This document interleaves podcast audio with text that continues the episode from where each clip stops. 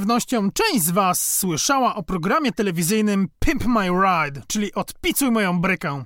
W największym skrócie była to dość odjechana podróż po świecie tuningu, w której obowiązywała jedna prosta zasada, a mianowicie im więcej, tym lepiej. Pimp My Ride doczekał się wielu wersji, w tym internetowej parodii poświęconej wózkom rehabilitacyjnym, która nazywała się Pimp My Wheelchair – ta parodia może się podobać lub nie, zależy jaki typ satyry lubicie.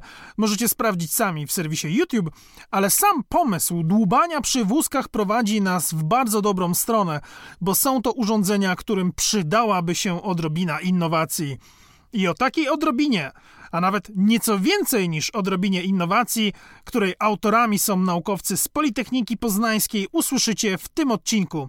Nazywam się Jakub Keprzewski, a to jest podcast Eureka DGP, w którym opowiadam o tym, czym zajmują się polscy naukowcy.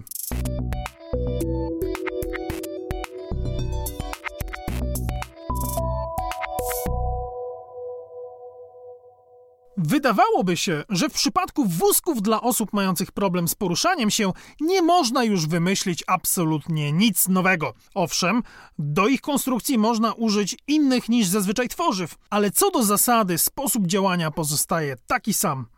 Ten stan rzeczy parę lat temu zastała ekipa inżynierów z Politechniki Poznańskiej i nie muszę chyba dodawać, że wzbudził ich dość kategoryczny sprzeciw. Podstawowy problem, jaki zdiagnozowali, prezentował się następująco. Dlaczego wózki muszą być albo ręczne, albo elektryczne? Dlaczego jedno urządzenie nie może łączyć w sobie tych dwóch napędów? Pytanie nie jest czysto akademickie. Inżynierowie chcieli rozwiązać bowiem bardzo praktyczny problem, który w rozmowie naświetlił mi doktor inżynier Bartosz Wieczorek. Wiadomym jest, że ważny dla człowieka jest ruch, tak? Jeżeli nawet spacerujemy, no to nasze ciało jest zdrowsze, tak? I mamy lepszą kondycję. Osoba, która ma pewien, załóżmy, stopień niepełnosprawności, może używać wózka ręcznego, ale załóżmy, wystarczy jej siły na jazdę, załóżmy dwie godziny tylko tym wózkiem inwalidzkim, potem jest zmęczona i nie dałaby rady. No więc w obecnym jakby stanie możliwych do zakupu przez nią wózków inwalidzkich, no zdecyduje się pewnie na wózek elektryczny, no bo zapewni jej tę mobilność przez e, cały dzień. No a jeżeli usiądzie na wózku elektrycznym, no to jest równia pochyła w dół, żeby jej ciało no po prostu następowało zanik mięśni, tak, no bo nie rusza się. W przypadku tego wózka ręcznego mamy jakąś aktywność fizyczną, rusza dłońmi, porusza tułowiem, czyli jakby dba o tą swoją kondycję. Rozwiązanie to wózek, a właściwie zestaw do modyfikacji wózka, który działa trochę jak rower elektryczny. Można pedałować samemu, można włączyć lekką pomoc, na przykład jeśli jedzie się pod górę, albo całkiem zrezygnować z obsługi fizycznej. Innymi słowy mówiąc, ekipa z Poznania stworzyła produkt, który zamienia wózek obsługiwany manualnie w rasową hybrydę. Zestaw składa się z kilku części. Pierwsza to koła do wózka, w samochodzie powiedzielibyśmy felgi, które kryją w sobie silniki elektryczne zapewniające niezależny napęd na lewą i prawą stronę. Jedną z podstawowych zalet silników elektrycznych jest to, że są niewielkie. Oczywiście mogą też być bardzo duże, ale nam chodzi o to, że są niewielkie w stosunku do przedmiotów, które mają poruszać.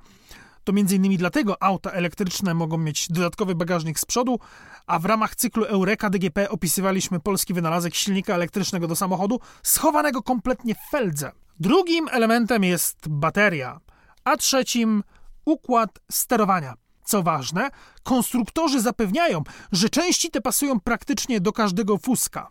Do każdego? Pomyślałem, czytając wniosek zgłoszeniowy do konkursu Eureka DGP.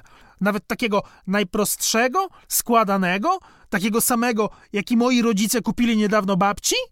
Babciu, pozdrawiam. Zgadza się, właśnie na takim wózku mamy zbudowany prototyp, więc jak najbardziej ten wózek pasowałby do tego naszego modułu. Ogólnie ten moduł jest y, taką osobną częścią, którą właściwie przykręcamy do ramy. On ma różne otwory montażowe i jest dopasowany do różnych typów wózków. Montaż to może jest zbyt duże słowo, tak? To jest kwestia przykręcenia czterech śrub i nic więcej. Co ciekawe, jak tłumaczył mi doktor Wieczorek, najwięcej pracy było nie z fizyczną częścią projektu, ale z software'ową. Oprogramowanie po napisaniu wymagało bowiem pewnej kalibracji związanej z tym, że wózek będzie poruszał się w różnych środowiskach i nie każdy z nich będzie płaściutkim szpitalnym korytarzem wyłożonym linoleum. Wprowadzenie tego do produkcji dla producenta też jakby nie stanowi dużej bariery technologicznej, tak? No bo tak naprawdę musi rozeznać sobie tylko dostawcę, który dostarczy mu części na czas, no i wyszkolić pracownika, który jakby według naszej instrukcji potrafiłby to złożyć i zapakować w karton, no i koniec, tak? I już jest moduł gotowy dla użytkownika. Napisanie programu nie jest trudne dla programisty. Trudne jest y, to, że musimy cały czas dokonywać weryfikacji jakby działania tego programu w warunkach rzeczywistych. O co chodzi? Jeżeli wszystko robimy na kartce papieru, tak, to wózek porusza się po idealnie gładkiej powierzchni, nic nie wibruje, nic nie drga. Jak tylko wyjedziemy choćby na płytki na korytarzu, to od razu są takie drgania, które wprowadzają zakłócenia jakby do tego programu. No i to było największą przeszkodą, tak? Mogę to powiedzieć śmiało, że co najmniej dwa lata prób i doświadczeń, żeby dopracować oprogramowanie i dopasować je do zakłóceń, które generuje eksploatacja takiego wózka no, w rzeczywistych warunkach. To było najtrudniejsze, bo jakby napisanie samego programu i, i sposobu działania, że jedziesz pod górkę, pomóż użytkownikowi, zjeżdżasz z górki, ładuj baterię, to, to są proste komendy, tak? Kwestia po prostu dobrania tych parametrów, żeby wyodrębnić, w naszym tutaj żargonie naukowym nazywa się szumami, żeby wyodrębnić te szumy i żeby dostać czysty sygnał, który program może przetwarzać. I to był jakby naj, najdłuższy proces w tym, tym całym programowaniu. Oczywiście w tym momencie widzę już, że wśród słuchaczy podnoszą się pierwsze ręce z pytaniami o koszt i osiągi. Najpierw zajmijmy się tym drugim zagadnieniem. Modyfikacje, które wprowadzili naukowcy, nie ważą dużo, raptem około 15 kg. To niewiele, biorąc pod uwagę, że w pełni elektryczne wózki to konkretne bestie od 60 kg wzwyż, nierzadko osiągające nawet stówę. Waga to arcyważny aspekt całego przedsięwzięcia, bo w przypadku wózków i wszystkich innych środków transportu obowiązuje zasada: im większa masa, tym silniejszy musi być napęd, który przecież więcej waży i tak dalej, i tak dalej, i tak dalej. Tymczasem tutaj relatywnie nieduży wzrost wagi przekłada się na fakt, że nawet wykorzystanie akumulatora o niewielkiej pojemności pozwala nawet na półtora dnia autonomicznej jazdy, czyli w trybie elektrycznym, nie mieszanym. Tyle jeśli idzie o osiągi. Teraz możemy przejść do pieniędzy. No i tutaj jest właśnie y, pozytywne zaskoczenie, tak? Bo mimo swoich zaawansowanych funkcji, mogę Panu na dzień dzisiejszy powiedzieć, ile kosztowały nas, y, jako detalistów, zakup wszystkich części zmontowania tego zespołu i dwie takie przystawki, lewe i prawe koło, układ zasilania i układ sterowania wyniósł w częściach około 5000 zł brutto, czyli szacować można, że jeżeli ktoś zacząłby to produkować seryjnie i chciałby nałożyć na to swoją marżę, to myślę, że w granicach 6 tysięcy brutto by ten zestaw kosztował w sklepie dla każdego, tak? Należy zaznaczyć, że to jest bardzo konkurencyjna cena na tle wózków elektrycznych, bo dobry wózek elektryczny zaczyna się w granicach 12 tysięcy, a to jest tylko nadal wózek elektryczny i ma swoje wady, bo jest duży, ciężki, osoba niepełnosprawna nie może sama tego wózka przenieść, wszędzie tym wózkiem nie wjedzie, no i ogranicza też mobilność tej osoby, no bo zdajemy sobie sprawę, jak te wózki wyglądają, tak? To są duże konstrukcje, które nie zawsze nawet w futrynie węższych drzwi się zmieszczą. Całość wygląda bardzo atrakcyjnie, zwłaszcza, że to nie koniec bajerów, w które wyposażona jest konstrukcja poznańskich inżynierów. Wspomniałem już o tym, że użytkownik wózka może niezależnie sterować lewym i prawym kołem. Takie rozwiązanie służy do tego, żeby zminimalizować promień skrętu.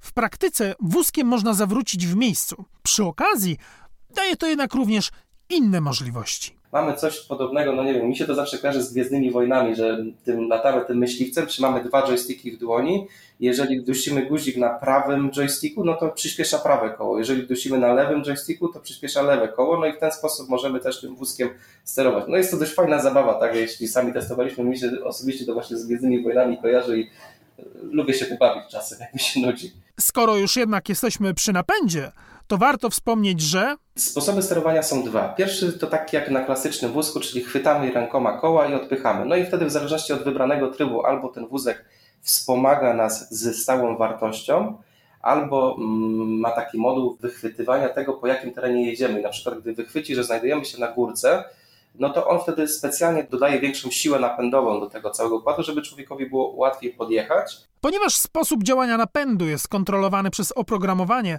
to nie jest problemem uwzględnienie w nim takich funkcji jak tempomatu czy w razie gdyby wózek został podłączony do aplikacji mobilnej, przywoływanie z pewnej odległości, na przykład w mieszkaniu. Dokładnie tak, jak użytkownicy Tesli mogą to, oczywiście na własną odpowiedzialność, robić ze swoimi samochodami na parkingach. Co ciekawe, po wyposażeniu wózka w te wszystkie bajery naukowcy doszli do wniosku, że nie będą spoczywać na laurach. Postanowili więc stworzyć kolejny rękawicę do sterowania gestem. Stwierdziliśmy, że o, jest coś takiego, co się nazywa belką tensometryczną, tak? No i może to użyjmy. No i wykorzystaliśmy to, zbudowaliśmy rękawicę, która właśnie działa w taki sposób, że ta osoba niepełnosprawna zakłada ją na rękę. Ta rękawica jest bezprzewodowa, łączona za pomocą e, Wi-Fi z tym komputerem sterującym wózkiem inwalidzkim. I teraz, jeżeli zegniemy palec wskazujący, to napędzamy koło prawe, jeżeli zegniemy palec środkowy, to napędzamy koło lewe. I teraz jak mocno zegniemy palec, tak mocno napędzamy dane koło. No i na tym polega jakby sposób sterowania tym wózkiem. Prosty palec, y, wózek się nie porusza, zgięty palec, y, wózek zaczyna się poruszać. Dodatkowo wprowadziliśmy też taki przycisk bezpieczeństwa, bo, bo mógłby być taki przypadek, że ktoś ma tą rękawicę na prawej dłoni, spotyka znajomego, podaje mu rękę, zagina palce i wózek zaczyna ruszać. Dlatego jest tutaj zastosowany taki mechanizm bezpieczeństwa podobny jak w tramwaju, że tą drugą, lewą ręką bądź prawą, tą, której nie używa w każdym razie, musi mieć położoną na takim uchwycie, żeby wózek czuł, że ta ręka tam się znajduje w tym miejscu. Jeżeli ona tam się znajduje, to dopiero wtedy jakby działa ta rękawica. To taki bezpiecznik wprowadziliśmy tego układu, żeby uniknąć jakichś wypadków. No dobrze, wszystko pięknie, ładnie, tylko kiedy będzie można to kupić? Żeby trafiło na półki sklepów, no tutaj droga jest właściwie bardzo prosta. Wystarczy, że z Politechniką Poznańską skontaktuje się firma, która byłaby chętna do wdrożenia czegoś nowego, innego od obecnych standardów w wózkach inwalidzkich. I nie ma problemu, bo ten nasz produkt jest raz, że zaprojektowany, mamy kompletną dokumentację, zbudowany prototyp, przebadany. Badaliśmy go też no, w ramach takiego dużego grantu z NCBR-u, więc jakby mamy kompletne badania i badania były robione na ludziach, więc jakby wiemy, jak to urządzenie działa i wpływa na człowieka, więc nawet przy certyfikacji tego urządzenia myślę, że nie byłoby tak dużo problemów, tak? Znaczące kaszlnięcie na sam koniec miało na celu zwrócenie uwagi, bo czy polski przemysł słyszy? Tutaj bardzo fajny wynalazek jest do wdrożenia. Czy słyszą NFZ i PEFRON? Warto taki produkt uwzględnić w projektowaniu dopłat. Czy inne urzędy słyszą? Mieliśmy wspierać polską myśl techniczną. Wesprzyjmy więcej transfer pod strzechy. Czemu, mam nadzieję, przysłuży się również ten podcast, czyli Eureka DGP. Jakub Kapiszewski. Do usłyszenia.